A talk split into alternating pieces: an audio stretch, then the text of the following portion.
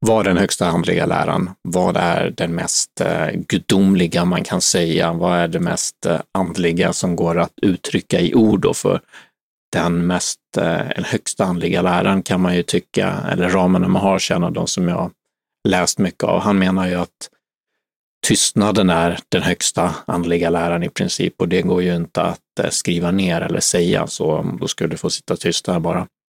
Så det här blir vad som då verbalt går att uttrycka på något sätt.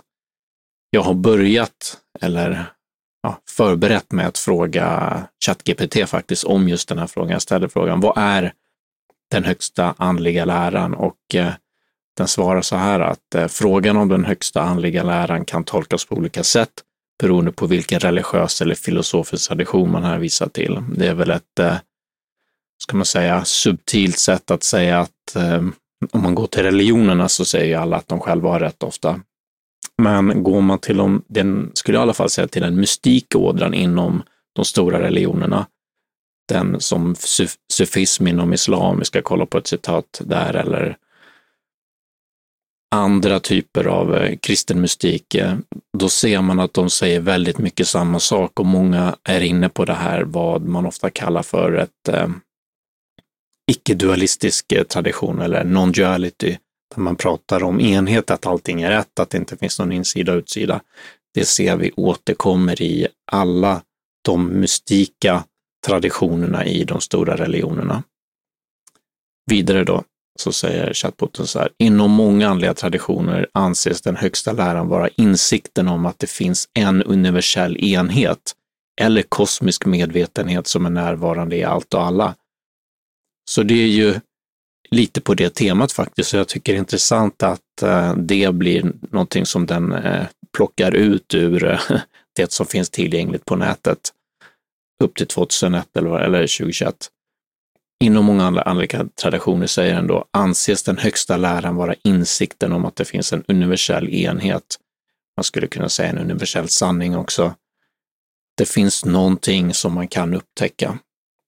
Så vidare säger han att inom hinduismen kan detta uttryckas som brahman, så det är den universella principen in, inom eh, hinduism är ju ett väldigt eh, heterogent eh, företag, eller en eh, heterogen eh, andlig kultur eh, som kommer från Indien där. Efter, och jag säger heterogen eftersom att det är många olika stilar som finns, man ska säga, inom den, så svårt att prata om hinduism i sig, men i alla fall hinduism så kan det uttryckas som brahman.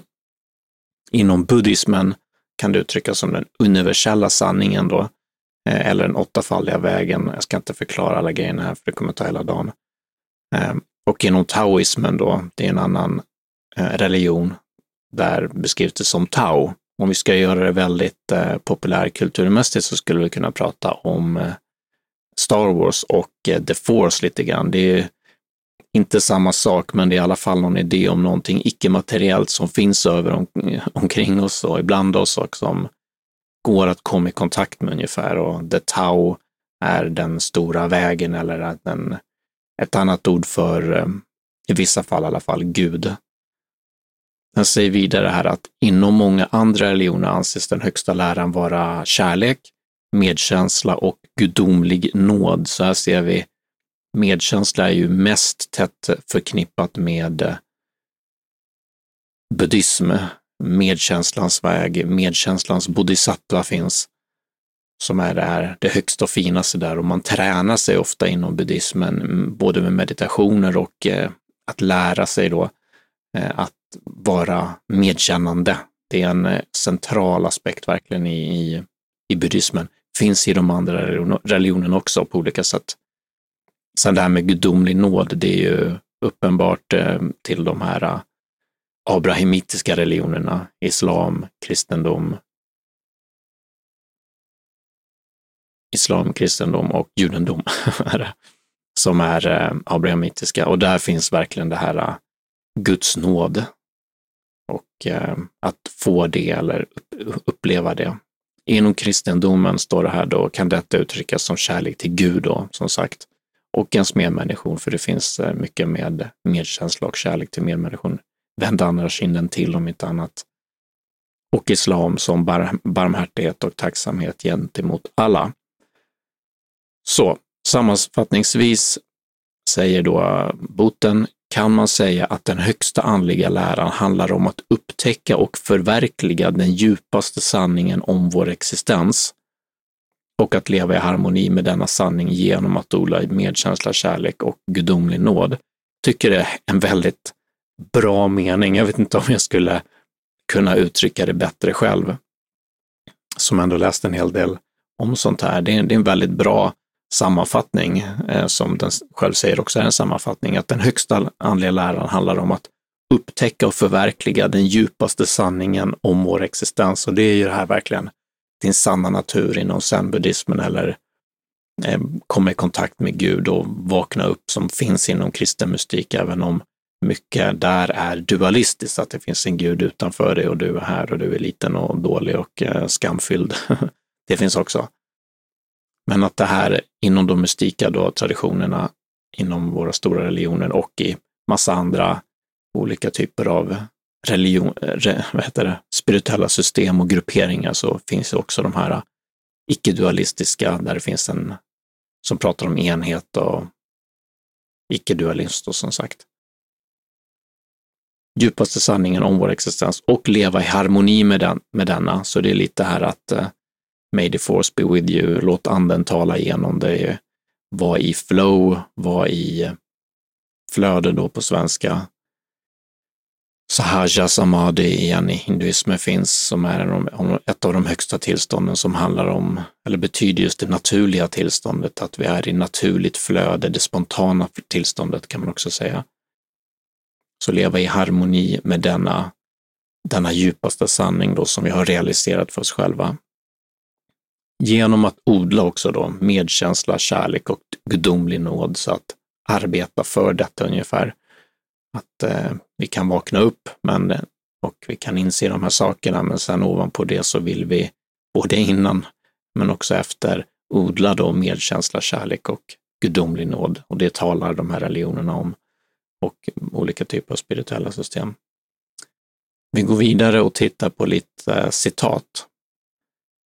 En av mina favoriter är Ramana Maharshi, ett eh, indiskt helgon som levde på 1900-talet han sa det här då, så väldigt kondenserat, en av mina favoritfilosofer, Ken Wilber, citerar honom ofta med det här för att säga att det här är just typ den högsta sanningen eller den högsta läran inom andligheten. Så han säger så här, the world is illusory, illusory så världen är illusion. Brahman alone is real, eller only Brahman is real. Enbart Brahman då, eller det här um, som inom hinduismen då, som man pratar om, den högsta principen eller vår sanna existens, vår, den andliga, mest betydelsefulla principen, alltet eh, ungefär. Um, och sen så säger de Brahman is the world. Så först där, the world is illusory, kan, man kan, om, man, om vi ska tolka det nu, är ju att världen är illusion. Så om vi tar jaget är illusoriskt, vi tror på att vi har ett, det här narrativa självet, de här tankarna vi har och vi tror att vi är den individen. Men de pratar även om egentligen allt, fysiska ting, eh, alla våra tankar, alla våra handlingar, alla, allting vi ser, allting vi gör, känsel, alla våra sinnen, allting är illusion, säger de. Och Brahman, enbart Brahman är eh, sann då. Och då kan man säga att det, eh, om man vill översätta ännu mer, så världen är form. Vi kommer återkomma till det också. Så världen är ju form, fysiska saker kan vi tänka. Brahman är på ett sätt icke-form eller vad buddhismerna kallar för just tomhet eller void, emptiness. Så icke-form, eller formlöshet, tomhet, det är det sanna ungefär det finns en tomhet eller sanning eller void som går bortom den här formen.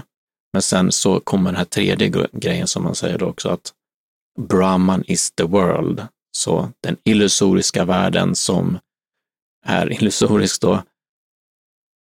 Och vi har Brahman som är det, det som är det sanna, verkliga. Men det är ju dualistiskt. Så att vi har att världen och så har vi Brahman. Hur om det ska vara sant icke-dualistiskt så måste det vara icke-två då. Det kan inte vara två, utan och det är just det som kommer i det sista påståendet. Brahman is the world. Som om man verkligen ska förstå det så blir man lite knäpp för att de här grejerna som är de citaten och sätt att uttrycka den mest tidlösa visdomen på är paradoxer. Det blir paradoxer. Det blir de här grejerna som, sakerna som Jesus säger. Det blir koaner i zen-buddhismen som är typ av olösliga frågor som man kan få ett intuitivt svar och på något sätt ehm, uppleva svaret på. Det blir en, ens direkt upplevelse, men att förstå det eller kunna verbalisera eller att det ska gå hem och att förklara för någon är inte möjligt eftersom vårt sinne i sig självt såklart är dualistiskt. Språket är dualistiskt. Det, ingenting har någon mening annat i förhållande till någonting annat. Men om allting är ett, om allting går bortom det och går bortom det vi förstår, hur ska vi då kunna förklara det med ord? Det blir jättesvårt.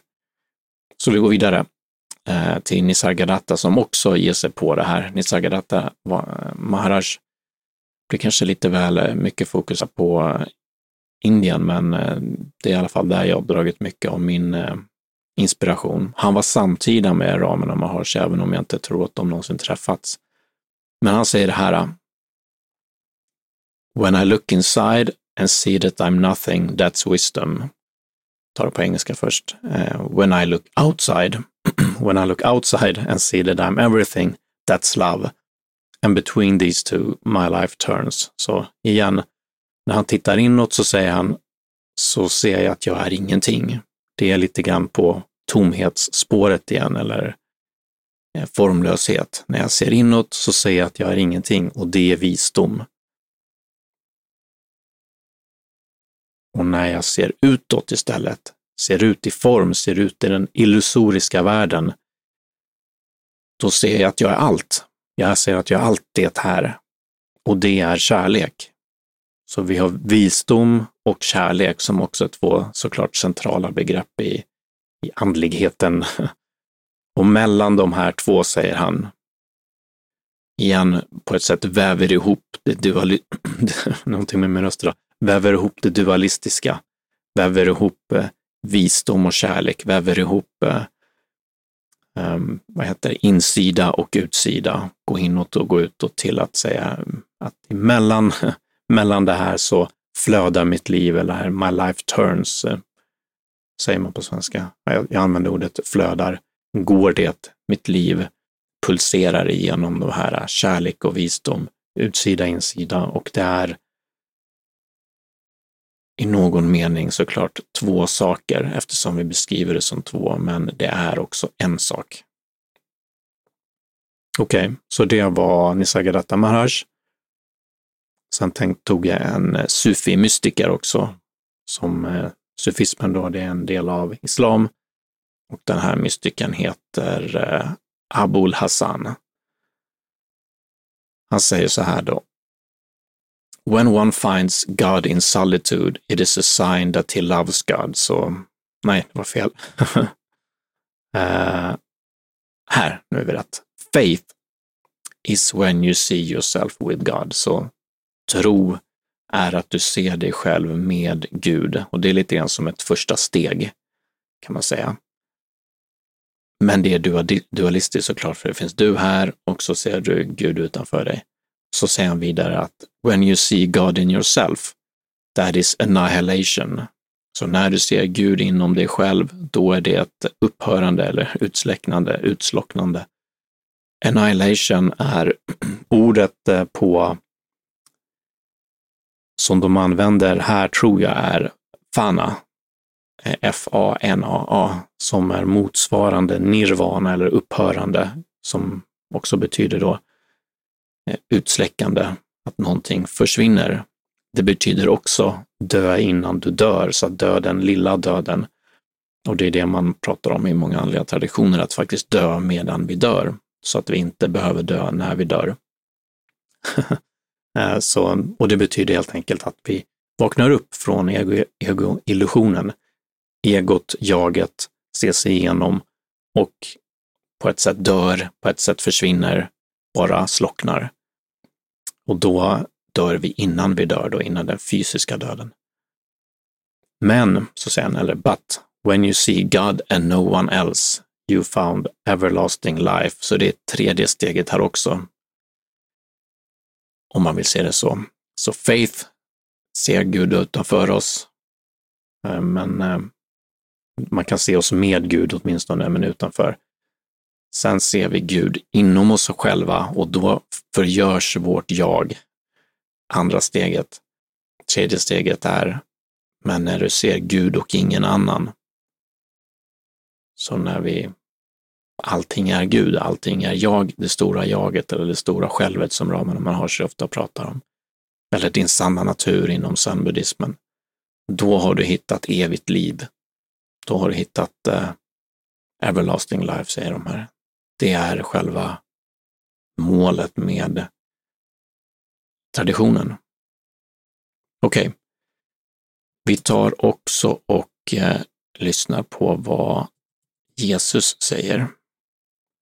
Det här är från, eh, inte från eh, den bibliska kanon, eller alltså det här ses väl som eh, gnostiska, finns med i den gnostiska bibeln, men jag, jag tycker de det är Thomas evangeliet som jag pratar om, de ligger så nära det andra, de här mystika traditionerna har, om det så är sufismen eller zenbuddismen eller eller och Maharshi. De här som har samlingsnamnet, då, samlingsnamnet eh, icke-dualistiska traditioner.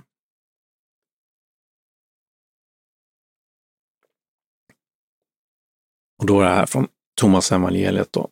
Och det är översatt om någon svensk person. Jag tror det kommer i slutet. Ja. Det börjar med, eh, som inte så direkt icke-dualistiskt, men jag bara gillar det. Det första citatet, eller det första grejen som Jesus ska ha sagt då här enligt, enligt eh, inte det första han någonsin sagt, men det första citatet som kommer med i Thomas evangeliet är och han sade, den som förstår betydelsen av dessa ord ska inte smaka döden. Igen, lite likt eh, hur vi såg, eh, eh, vad heter det, eh, vad heter det, citatet innan från sufismen om att eh, när vi blir, släcker ut jaget och inser att allting är Gud så här innebär det evigt liv. Och vi ser det också i många buddhistiska igen, alla de här grejerna går ihop, går igen i alla de här liknande mystika traditionerna. Sen en till också som jag bara gillar, men som inte heller är riktigt på det temat på icke-dualismen, tar ändå. Må den som söker fortsätta söka tills han finner. När han finner ska han bli oroad och när han har när han blivit oroad ska han förundra sig och han skall härska över alltet igen om vi tänker på det som var innan här med att se Gud utanför sig eller se sig själv med Gud och sen bli på något sätt eh, se att Gud är inom en och det släcker ut jaget. Den processen är sällan eh, helt eh, bekväm att gå igenom. Att gå igenom ett eh, andligt uppvaknande eller vad vi ska kalla det. Och här är det igen, den som söker, man söker, söker Gud då i, om de här, i de abrahamitiska traditionerna. Och när man finner Gud någonstans där så händer någonting, en oro uppstår. När jaget går igenom den processen, en transformation eller transfiguration, så är det ofta en, eh, ibland kallar man det för eh, själens dunkla natt eller dark night of the soul, beskrivs bland annat i den här texten The Cloud of Unknowing eller icke-vetandets moln i den kristna mystiken. Att det kan vara en jobbig process bara precis som vi går igenom en 40-årskris eller någonting annat jobbigt i vårt liv så är det, blir det jobbigt att gå igenom, generellt i alla fall, det är individuellt också, men i genomsnitt så är det jobbigt. Så här kommer då, han blir oroad, skall han förundra sig och han ska eh, till slut då härska över alltet och det är när vi har kommit ut på andra sidan. När vi har vaknat upp och eh, gått igenom dessa själens dunkla natt och så vidare. Okej, okay, här kommer först i alla fall som är eh, på, direkt, tycker jag i alla fall, på temat om eh, icke-dualism. Jesus sade, om de som leder er säger till er, se, riket är i himlen, då är ju himlens fåglar där för er.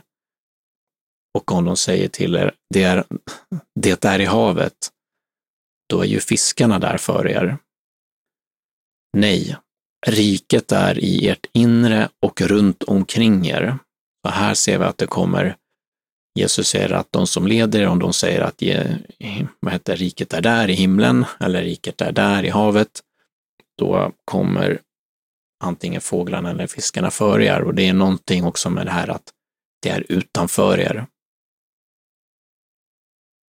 Men om de säger, ehm, eller ja, om de skulle säga som honom säger då istället, som han säger, nej, riket är i ert inre och runt omkring er. Igen, gudar överallt som sufismen säger då, som alla de här mystika traditionerna säger, att en, det finns en enhet som vi kan uppleva där det vi söker är det här som är just nu. Och han säger vidare då att när ni lär känna er, er själva så skall ni bli kända och inte kändisar då tror jag, utan det här är väl översättning från eh, known kanske. You will be known. När, när ni lär känna er själva ska ni bli kända och ni ska förstå att ni är den levande Faderns barn. Så här ser vi ännu en gång, skulle jag säga, att han gör ingen skillnad på att vara Jesus och någon annan. Alla är samma, alla är den levande Faderns barn. Man kan såklart prata om dualism som fader och eh, vad heter det, eh, icke-fader, och Faderns barn. Eh, men även rent kroppsligt, som man ska säga så, så är de ju en och samma. Det, kommer, det ena kommer ur den andra. Men om ni inte känner er själva lever ni fattigdom och det är ni som är den fattigdomen. Så om ni inte lär känna er sanna natur, om ni inte vaknar upp, om ni inte hittar Gud och blir Gud, så, eller inser de här sakerna, eh, så kommer ni leva i fattigdom. Så jobba på, menar han. Vi ska ta ett till citat med, eh, från Thomas evangeliet. Hans lärjungar sa till honom, när ska riket komma? Och Jesus sade, det skall inte komma genom att man väntar på det, så den som väntar på något, nej. Utan han säger, man ska inte säga, här är det eller där är det. Nej, Faderns rike är utbrett över jorden, men människorna ser det inte. Så det här att, igen, att det ska komma sen, inte nu, eller att det är utanför oss, som det var tidigare. Man ska inte säga att det är här eller där, utan att det är överallt. Det här är, som jag tolkar det, han säger i alla fall, Faderns rike utbrett över jorden, men människorna ser det bara inte. Det här är sanningen, det här är nirvana, det här är kärleken vi söker. Det är det som traditionerna säger. Ser man det inte så är det inte så kul att höra det kanske, men eh, då eh, menar ju de här traditionerna att vi ska meditera, göra olika typer av andliga praktiker för att komma till den insikten så att det blir en faktisk eh, direkt upplevelse för oss i vardagen. Okej, okay, då går vi till den sista delen här. Ska ta lite vatten innan.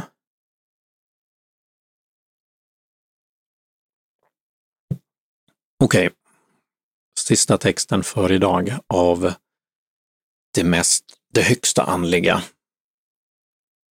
Det är en text som heter Prashna Paramita Hridaya av, av eh, jag vet inte ens vem som har skrivit det, men det är en eh, sutra som är skriven eh, och som reciteras i den, inom buddhismen. Väldigt frekvent. På de zen-retreats jag har varit på så reciterar man det flera gånger, ett par gånger per dag faktiskt. Och den är väldigt eh, vacker och genomgående och eh, trycker verkligen på alla de här eh, sakerna skulle jag säga som vi redan touchat vid. Prashna Paramita Hridaya säger ju ingenting om man inte kan eh, sanskrit eller vad det är. Eh, men Prashna, den är översatt här till den fulländade visdomens hjärta. Så Prashna betyder visdom ungefär, eller ja, sanning. olika sådana synonyma begrepp men visdom. Paramita betyder fulländade eller den perfekta, men också den trans transcendenta, alltså den som går bortom ungefär, den som går bortom visdom. Och Hridaya betyder då hjärtan. så Prashna Paramita Hridaya, den fulländade visdomens hjärta, är översatt till. Och den här texten kommer från eh, Zen-gården, och Zenbuddhistiska samfunden som har översatt den till svenska och det är där jag har tillbringat mina Zen-retreats som jag har varit på. Eller de ja, överlägsna majoriteten i alla fall som jag har varit där, som ligger i Arboga. Okej, okay. Fällingsbro närmare bestämt, men man åker till Arboga. Så då reciterar man det här och den börjar så här. Medkänslas bodhisattva. Apropå det här medkänslan som vi läste att chattboten pratade om. Och jag nämnde då också att medkänslans bodhisattva är den här, men en, om inte den så en av de finaste bodhisattvorna. Såg från prashna-visdomen, så prashna igen då betyder i princip visdom eller bortom visdomen. Prashna-visdomens djup. Alla fem skandors tomhet och sprängde bojorna som orsakar lidande. Det kommer ju vara en del begrepp här som kanske är lite krångliga att förstå, som jag, inte, jag tror inte det är så meningsfullt att förklara alla, men alla fem skandors tomhet, så skandor, skandor här eh, refererar man till eh, sammanslagningar av, eh, eller det betyder en typ av gruppering, så vi kommer komma till som jag tror är skandorna då, känsla, tanke, vilja, form. Det är en, alla, alla sådana är en typ av skanda som man inser då är tomhet eller illusion i, som Ramana Maharshi pratar om, att allting är illusoriskt. Och här så kallar man det att man ser det, man ser den här tomheten som finns inneboende i dem, man ser tomheten som finns i jaget, egot, i fysiska ting, i allt som vi kan uppleva i princip, så ser vi en tomhet där som går bortom eh, formen då. Och sprängde bojorna som orsakar lidande, för vårt lidande menar ju buddhismen är kopplat till att vi håller fast vid klinging, att vi håller fast vid de här eh, tingen då. De här eh, skandorna eller att eh, prylar, bilar, eh, människor, vad det nu är som vi håller fast vid, vår självbild, allt möjligt. Eh, okej, okay. så den fortsätter. Man säger, vet att form här är endast tomhet, tomhet endast form. Form är ej annat än tomhet, tomhet ej annat än form. Känsla, tanke, vilja, medvetandet, medvetandet, medvetandet självt är också tomhet. Så där trycker de verkligen på det och det blir också här tydligt icke-dualistiskt. Att inte två olika saker. Form är tomhet. Så det är inte så att bara eh, det fysiska tingen eller jaget, egot är, är eh, egentligen tomt. Att det inte har en inneboende existens. Det är också så att tomhet är också form, vilket igen blir väldigt paradoxalt eller väldigt svårbegripligt i alla fall. Hur kan tomhet vara form. Ja, ett sätt att se på det i alla fall är att det är ju samma sak. Det finns eh, någonting som går bortom form och tomhet kan man också tänka. Men det går inte att förstå. Känsla, tanke, vilja, medvetandet självt tomhet, så allting vi upplever är tomhet och säger vidare då här att här är varje dharma tom. Det är typ läror också. Man, jag vet inte vad man menar med dharma här, men det betyder lite olika saker. Här är varje dharma tom. Allt är ursprunglig tomhet. Så säger de vidare att ingenting föds eller dör. Ej heller är de rena eller besudlade.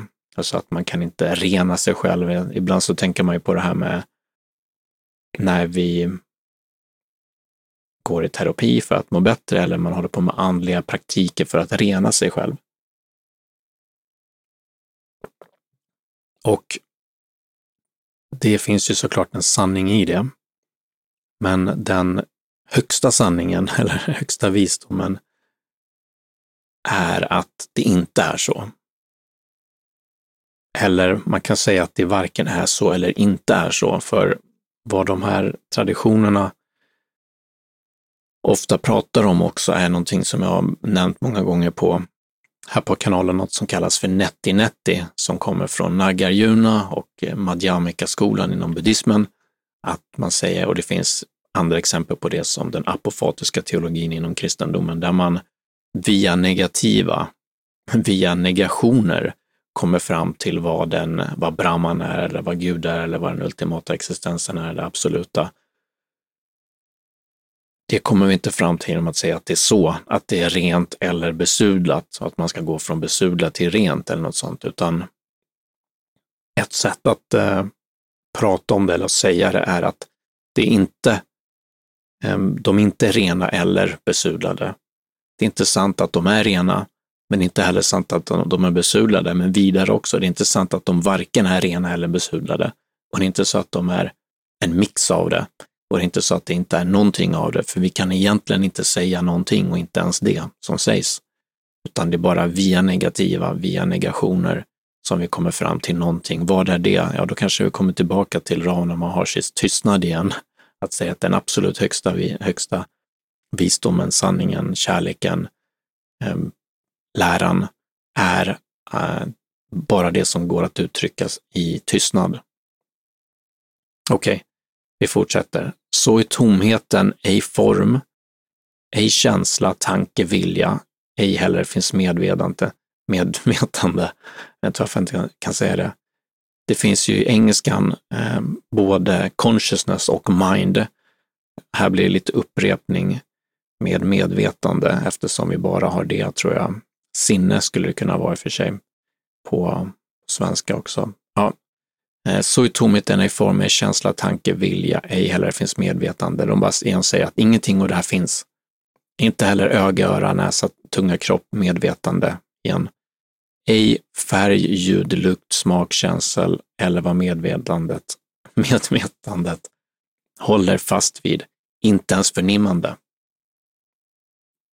Så ingenting, allt det här är illusion, ett annat sätt att säga det. Ingen okunnighet eller slut på den, ej heller allt okunnighet för med sig. Även det är ju en central lära inom buddhismen, det här med ignorance. Att vi tror, eh, eller att, att, ja, att vi är okunniga, att vi inte förstår och sådant. Men här säger de i den högsta läran att inte ens okunnighet finns. Det finns inte heller här åldrande, ingen död, inget slut på dem. Inte heller finns lidande. Så själva grunden för hela buddhismen är ju vad Buddha, man får lära sig att Buddha säger, är ju att få lidandet att upphöra. Hur kan man här säga då att det inte ens finns lidande? Och säger vidare också, är inte heller orsak till lidande, inte heller slut på lidande, eller ens en ädel väg då, som den stora vägen eh, eller The Tao eller någon annan som, av de här vägarna som de här religionerna pratar om, att vi söker någonting. Inte ens sökande finns, kan man säga här. Eh, inte heller ädelväg som leder bort från lidande. Inte ens finns visdom att uppnå. Uppnående är också tomhet, så allting är tomhet, allting är bara en dans, allting är bara illusoriskt säger de. Och det är den högsta visdomen då. Okej, okay, vidare här, det vi brukar eh, recitera.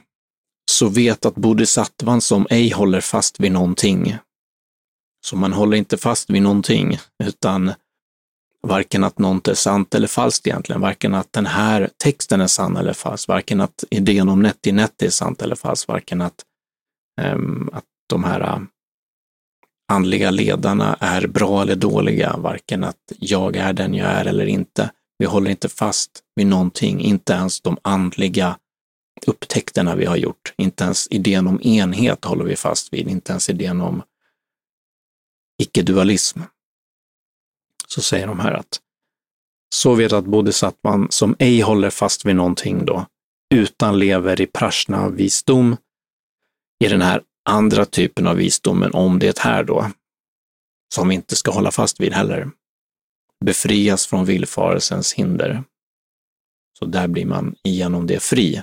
Blir fri från rädslan som föds ur dem och når klaraste nirvana. För allting vi håller fast vid, allting vi söker, allting vi försöker, är någonting som blir hinder för oss, villfarelsens hinder och det kommer rädsla ur det. Alltså. Och då når vi klaraste nirvana, säger de här, och det är väldigt bra. Alla buddor från förr och nu, buddor i framtiden genom tillit till prashnavisdomen, kommer till full upplysning, säger de här.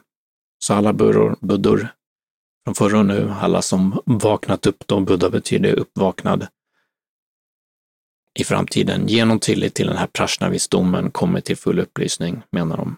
Och eh, här utslag, eh, slutar de med, eller det börjar komma mot slutet i alla fall. Känn då den stora daranin, det är typ eh, mantrat eller sången, eh, reciterandet. Känn då den stora daranin, det som vi sjunger nu, det strålande, makalösa mantrat, det fullkomliga, osvikliga mantrat, prashna paramita då, eh, vars ord utplånar allt lidande. Och så säger de, detta är högsta visdom, apropå temat för dagen. Sann bortom allt tvivel. Känn och uttalade sanning. Och så säger de gatte gatte paragatte parasamgatte bodhisvaha. Och det betyder i princip, så vitt jag förstår det i alla fall, att bortom bortom, gatte gatte, bortom bortom, paragatte ännu mer, det betyder bortom bortom, eh, parasamgatte ännu mera bortom, så Bodhisvaha, Så ungefär att ja, men upplysning, ja, vad bra, eller och så säger vi, eller no någonting sånt. Man behöver nog vara, det är väl som lagom i svenska ungefär med som vissa av de här uttrycken. Men att, så som jag läser in i alla fall, eller förstår det, är att vi behöver gå bortom, bortom, bortom. Bortom, bortom, bortom, bortom lärorna, bortom citaten bortom förståelsen till någonting annat då som de pratar om. Och vad är det? Ja, kanske det här som Ramana Maharshi menar med finns i tystnaden.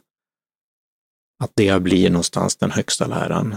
Det blir den faktiska upplevelsen egentligen just nu. Den faktiska kärleken, sanningen, det som vi inte ens kan sätta ord på, existensen självt, vad är det här som man ofta ställer sig frågan i sen, sen buddhismen som en koan då? Vad är det här just nu? Vad är det vi upplever just nu? Det är den högsta sanningen, det är den högsta läran, det är sanningen med stort S. Det är det stora självet, det är Gud, det är Brahman, det är alla, alla också, alla gudar. Det är allting vi sökt och någonsin kan söka och det enda som finns överhuvudtaget och alltid funnits. Det är det som är just nu i det här ögonblicket. Och det är det de här traditionerna pratar om.